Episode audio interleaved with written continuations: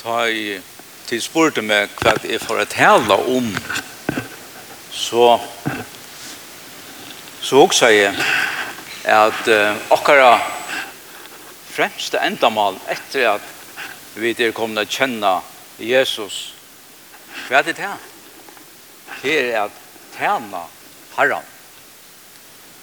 Så evnet er at tjene Herren. så kan det være anker her. det er det er så løy evne, ja. Tui, tui, vet du, det er hoksa om at tæna, etla er at vi er en tænare, så etla hoksa vi at tæn, at hava tænare, det finnes det ikke langere i sjokk. Det er kanskje mer i omkring fjærskottene, London finnes tjenere kanskje enn tja kanskje velhevande folk. Og tæn, ja, tjener ikke, det er ikke så vanligt. Vi lever sjølvand i en tog og i en heimi her det ofte snur ikke om å sette okkon selv og i middel.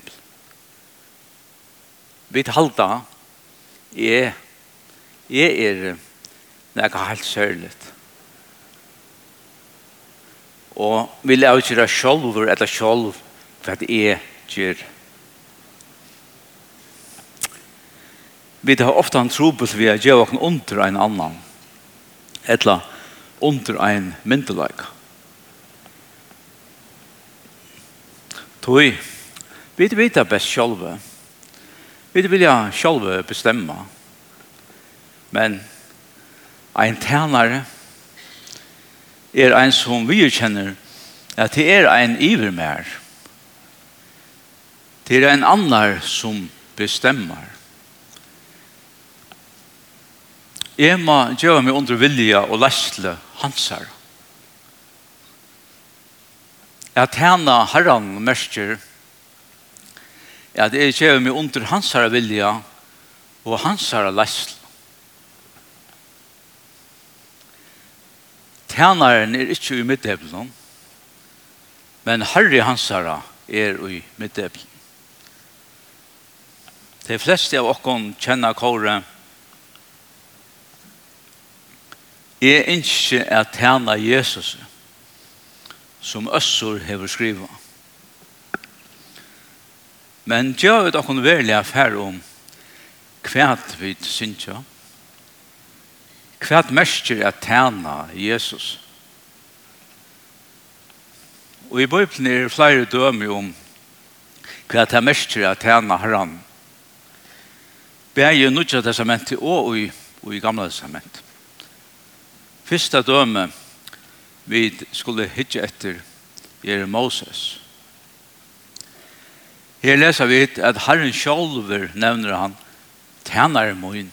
Det leser vi til Josfa. Josfa 1, 2.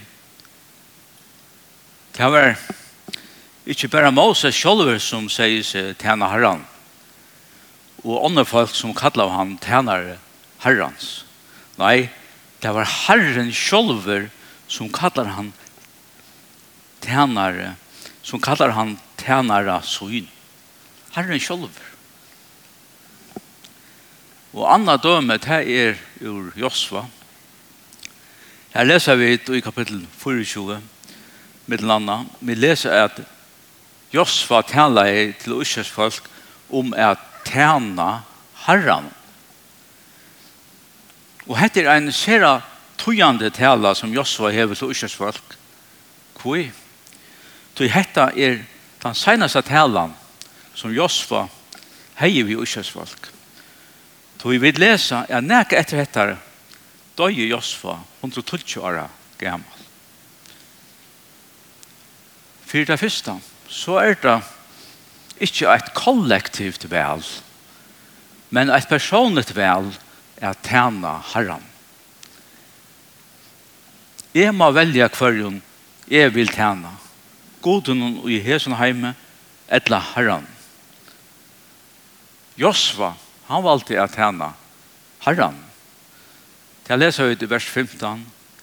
Men løyges tikkun ikkje at hana herranon, sier han i usjes folk, så velje ut i han en tid vilja at hana. Goden hon, og i fedra tikkare dorska og hinne med en anna, etla goden amoritta, og i hver landet tid byggva. Men e og husmut, vi skulle tjena herran. Vi er tala Josfa til til falske fra vers 22. Ta seg i Josva i falske, så er tid ta vittne mot det til kun sjolven om at tid hava valgt herran og skulle tjene hon. Ta i sværa, ja, det er vi til vittne om. Han sier, så kaste fra tykkon, hinna fremmande godar, og i tid hava mitteltikkara, og bodje hjarta tikkara til Herran god Israels. Ta sværa i falki Josva. Herran og god til okkara skulle vi tjena, og år hansara skulle vi akta. Og i det er båskaperen tann samme til okkon, som sitter her i det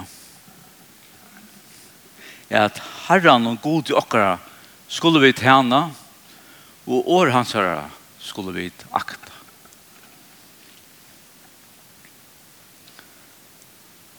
Tria døme som jeg atleie nevna er om Marie, mamme, i Jesus her. Vi leser i kapittel 1 til Lukas er at angel herrans kommer til henne og sier henne at hon skal være vid bad. Hon skilder ikke av Jesus. Angelen spyr, spyr, så spyr hon angelen, hvordan skal det være til?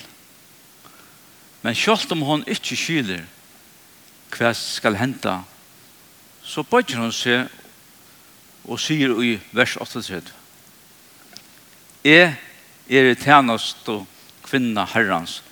Mer være som to har sagt. Vi sitter her et fullkomlig undergjøv. Jesus sjálver viser av hva det er å tjene. Det gjør han med til Anna og Johannes kapittel 13. Og i vers 16 sier han, Tjenaren er ikke større enn Harry Hansar. Ei heldre er ein som sender er større enn han og i sendte han. Jesus djever lærersveinen sin et fyredøm. Såleis skulle det gjøre Han tok sjølver tjeneste leikloden av seg. Hvordan gjør han det? Det gjør det Jesus vi at vaska lærersveinen om fødselen. Han yngste at der skulle skilja nega som er ikke ivest og i at han ofta ni hei forklara dem Til dømes og i Marskos Tudje, da Jakob og Johannes bia Jesus som løyve, er at sida vi hans herre li og i himmelen. Og dette er Jesus sier at tog menneskesåneren er helt ikke kommet eller at det ånder tjener seg her, men at tjene og gjøre liv sutt som løser alt for mange. Og i Lukas 14, 11 sier Jesus, tog kvart han, og sett seg selv han høgt, skal være sett til lokt. Og tann, og sett seg selv han lokt, skal være sett til høgt.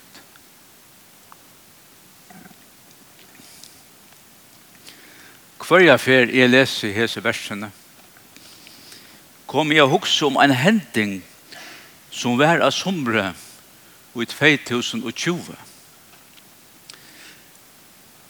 Margreta drottning vidtjei i Sarepta. Og etter at hun hei vidtja i Sarepta, våre vit, Dorrit, altså kona min og ebojen, til døvre om kvalitet, saman vi drottningen. Døvren han var i Møvær. Vi hadde finnet en fina skrivelige innbjøving. Og Og da vi skulle fære til Bors, leita vi helt naturlig etter okkara klossen. Vi hukte av navna kjelten og gynner rundt. Og mye av vi ganger rundt, så så, så vi et eisne hver drottningen skulle sitte. Men her leita vi det ikke. Så vi drakna ikke vi at sitte sammen vi henne. Ta i vidt høyt leita enn løte. Kjemur ein og viser okkon av okkara plås. Ta er det beint iver av drottningsne og løgmann. Hetta var bare nekre tankar om at seta seg sjálvan lågt. Men atter til lærersvennerne. Men tar høtt ikke skilt det som Jesus hei rønt at forklare dem. Nå visste Jesus at tog med hans av å komme at han skulle fære fra dem. Og han visste eisene at nå måtte han røyne at illustrera et eller et bedre år at myndløse hetta er at her var tjenere. Vi vet at lærersveinene er var han ikke opptykner av hver av teimen var største eller var naster etter Jesus. Jesus gjør noe klart til at han skal vaska lærersveinen om fødselen. Og vet du hva han? Lærersveinene har ble akkurat som ytla vi. Hvor var lærersveinene så illa vi ta i Jesus gjør klart til at han skal vaska dem om fødsene. Det er vanlig å ta Da man kom av vitja til gjøten og let seg ur sandalen så stod en vattenkrukka vid dittnar. Så gjerne vaska jeg en tænare etla ein træler gesten om fødselen. Men i hesen foran er det mestaren sjolver som vaska i synon lærersveinen om fødselen. Mestaren gjør tjenere og tante lærersveinen. Hetta var en helt nødt og avkjent støva. Tog sier som Peter offeren, Herre, Hva skal du med om føttene her? Hvor var det så tøyende for Jesus at han skulle skilje hettar at være en tænare? Tøy, Jesus yngste, at han skulle skilje til andalige dimensjonen at det er ikke en spurning om hvor er størster, men at få et tænare sinne, og at tæna hverjon øron og i eimjøkleika. Hette er akkurat første måte tog som heimeren hoksar, og i Guds rujtje er ærar med regler. Her er det det antallige som hever tøytning.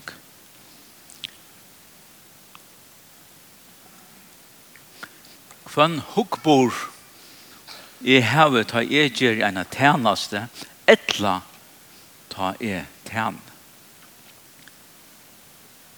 Frutja deg møtte vi en person i Mibbyn som sier, jeg har vi ofte hukse om hvordan jeg kan takke tikkun for det er til hjelp til okken vi. Dorrit sier, det som vi gjør det, gjør det vi for herren. Det er ikke nøyet å takke okken.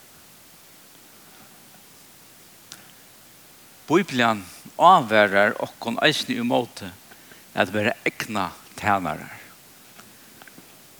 Og i Efesos kapittel 6 og vers 6 til 6. Her leser vi ikke at henne vi egna tjeneste som teg, og vi vilja være menneskjøn til viltar, men som tjener av Kristus der, så tid av hjerta gjør vilja gods og tjene av gåvun hova, enn så tid høtte tant herran og ikke menneskjøn. Og i Filippe braunen, kapittel 2 og vers 5-6, her leser vi det. Sama sinnale veri i tikkun som veri i Kristi Jesus. Ta i han var en så god. Rokna i han til ikkje fyrir han at vera jaunlutje gods. Nei, jeg seg sjolvun seist han undan tøy, gjør det seg en så tænare, og vær menneskjen lykker. Jesus, yngst i eisene, er at læra lærersveinene er hetta. At være eimjukar hver mot i år. Er at tjena hver når. Det er ikke vanligt. Jeg sørger vattenkrukker og løgnklær eller handklær i okkara sankom. Det er ikke vi hesson som vi brein og vinnon som vi har tidsi av i morgon da vi minnast herra. Det er en båt lokkara. Jeg minnast herran har hentet hatt. Men hetta vi fåta tvattnen hever ikke minne trytning for det. Håast kanska det er minne uithøkjeligt. Men årsaken til at Jesus tok hetta fram hesa sérstøke løtene han var saman med lærersveinen må vera at hetta hever alls av han tøtning. Han visste hva han bor i lærersveinen og han veit hva han bor i okkom. Jeg veit at tænare lint i mer som vattenkrukkan løgnklei avmynda ja, yeah det manglar ofta. Vi hava det som i her i dag. Som Jesus visste jo at jeg lærer seg. Vi hoksa som heimer. Vilja råa og bestemma, men ikke tjene. Tøy vi hava ikke skilt oppgave at vi skulle tjene hver nøren, som vi leser i Rombraun 12, vers 12. Veri i bror kærlegan hjertelige eimer hver vi annan. Kappest om av vise hver, hver øren heier. Vær ikkje flekk vi øyenskapet tikkara. Veri brennande i andan. Tjene herran han kom og tamt til okken. Tog eier vi at henne honom, vi er tjena hver en øre. Spørningen er, hvordan er en tjener i herrens? Bibelen viser dere nå noen eikjen. Han er ikke en som vil være populærer, eller røyner å være vel vi ødel. Vi kan lade Abraham at et spyr Paulus Tali er nu menneskjon til vildar etla gode etla røyni er at toknas menneskjon røyni er at toknas menneskjon enn så var jeg ikke tænast tænare Kristus.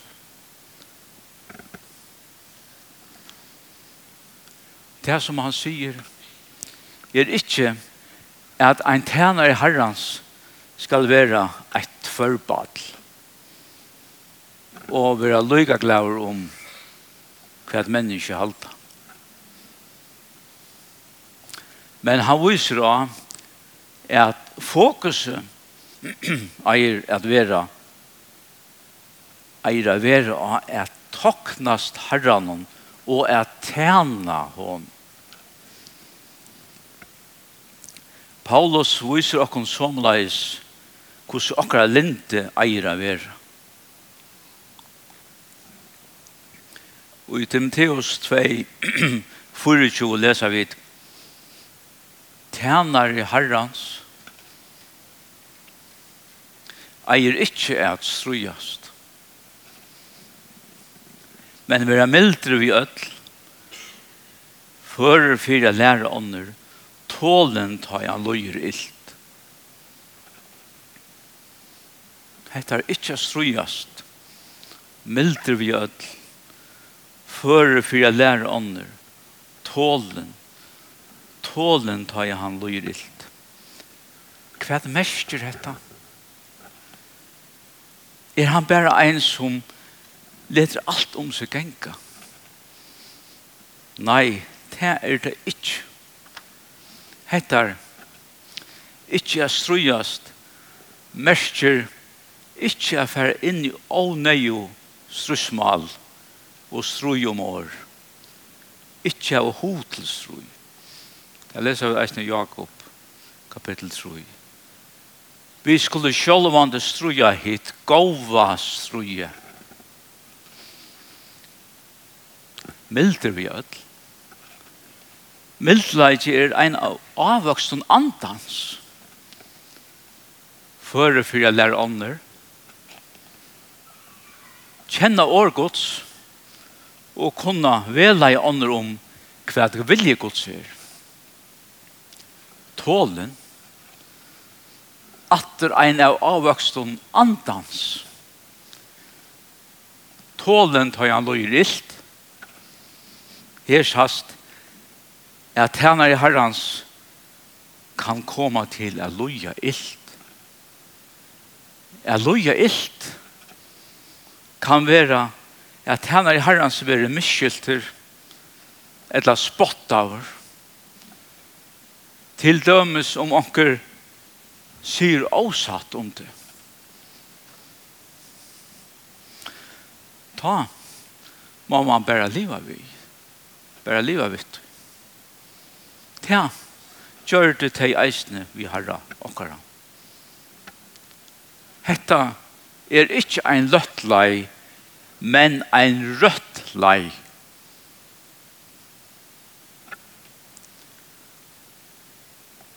er i herrans. Er tøker herran. Jeg vil færa her han sendte meg synger jeg vidt. Tæmerster at jeg er til reier at seta meg sjølvan og mun ahua mal til sys. Tog kvann annan en tænarar synar skal herren heita av ta i han hever bruk fyrir omkron at hjelpa, trøsta, etle at sværa ein bøn. Jeg har jo ofte oppleva at koma til folk som har sagt det har vært godt du kom, til jeg har bygd herran senda onkran. Eisen har vi vært nødt til at avlyse onkrar flåfæra selar og brøyta ferier til ein tjennast av brottliga staks vi opp. Men hetta er ein parster av at tjena herran. Tøy, om vi til verilige ikke at tjena herran, så må det kosta vi kvørst eisne og utøyelig. Hvor skulle vi tjene herren? Hvor ønsker vi å tjene Jesus? Tøy vi det er enderfødt. Vi tjener ikke for å bli enderfødt eller frelst. Men tøy vi langt og er det.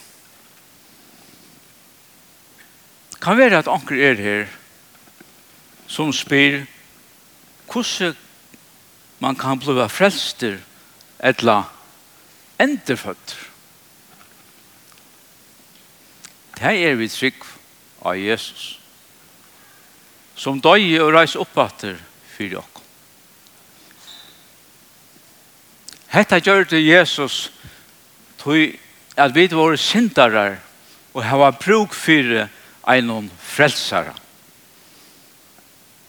Og hetta er einaste maten til okkon menneskjon at koma i samband vi god og at kjenne han. Ta jeg vidt er kommet å kjenne han og verlig skilja hva at han har gjort for okkon så føyes ein troan etter at tjene honom okkara frelsara. Kanskje du sitter her og spyrst hvordan skal jeg fære gongt? Her vil jeg svære, les, lusta, bi, og vi tøker eller tøk. Lesa Guds år, for bedre at kjenne Guds vilja. Lusta etter Guds anda ta ui han talar til tøyn då mer eisne. Ta Samuel var ikke Eli preste og god røpte og han. Og han visste ikke hva det var for nega så får han inn til Eli og spyr Eli og ta sier Eli vi han til god som talar som talar vitt så nast før når han talar vitt så skal du sier tala herre tænare tøyn høyr. Tog Guds ande, han talar vi okkom. Fyrr så hørte man oftane folk sier hetta, jeg fikk et tilskundels. At vilja hjelpa etla vitje omkran avvis. Et tilskundelse er at kjenne oss her, at føle, eller språten brukar året, at få et innskott. Og så heter at bygge herren viser der hvordan du skal gjøre. Da har jeg det for deg video, eller da har jeg det for deg hjelp. Og så heter det at vi er tøker, eller vi er tøk. Si ikke Jeg kan ikke nå. Tog om du ikke først, så sender Herren en annan. En maur fortalte for meg at en annan fikk sikningene å hjelpe en tog at han ikke var lojen ta i Herren be han gjøre det. Og så sier han, Jakob, veist du hva? Hetta lærte meg alt du er vera lojen og fylgja bovon herrans. Ta saman omkjemmer. Så tjener vi det ikke løvdene, Ebenezer, etla onkrar i ærares hankomme, etla onkrar felaskap. Sjølvande, er det godt å kunne tjene herren sammen vi øren. Men det er herren vi tjener. Vit, hvor en anstegre av okken stand i apert i fire herren. Tog en tjenere er klarer og tøker ta herre hans herre byr han gjøre okkert. Det er at tjene Herren. Hevet du spurningar i samband med det som jeg har båret fram her i dag, er du velkommen at ta seg med at han har. Læt i okkon saman nu synsja kåre, er ikke at henne Jesus og vi synsja til som ena brød. Amen.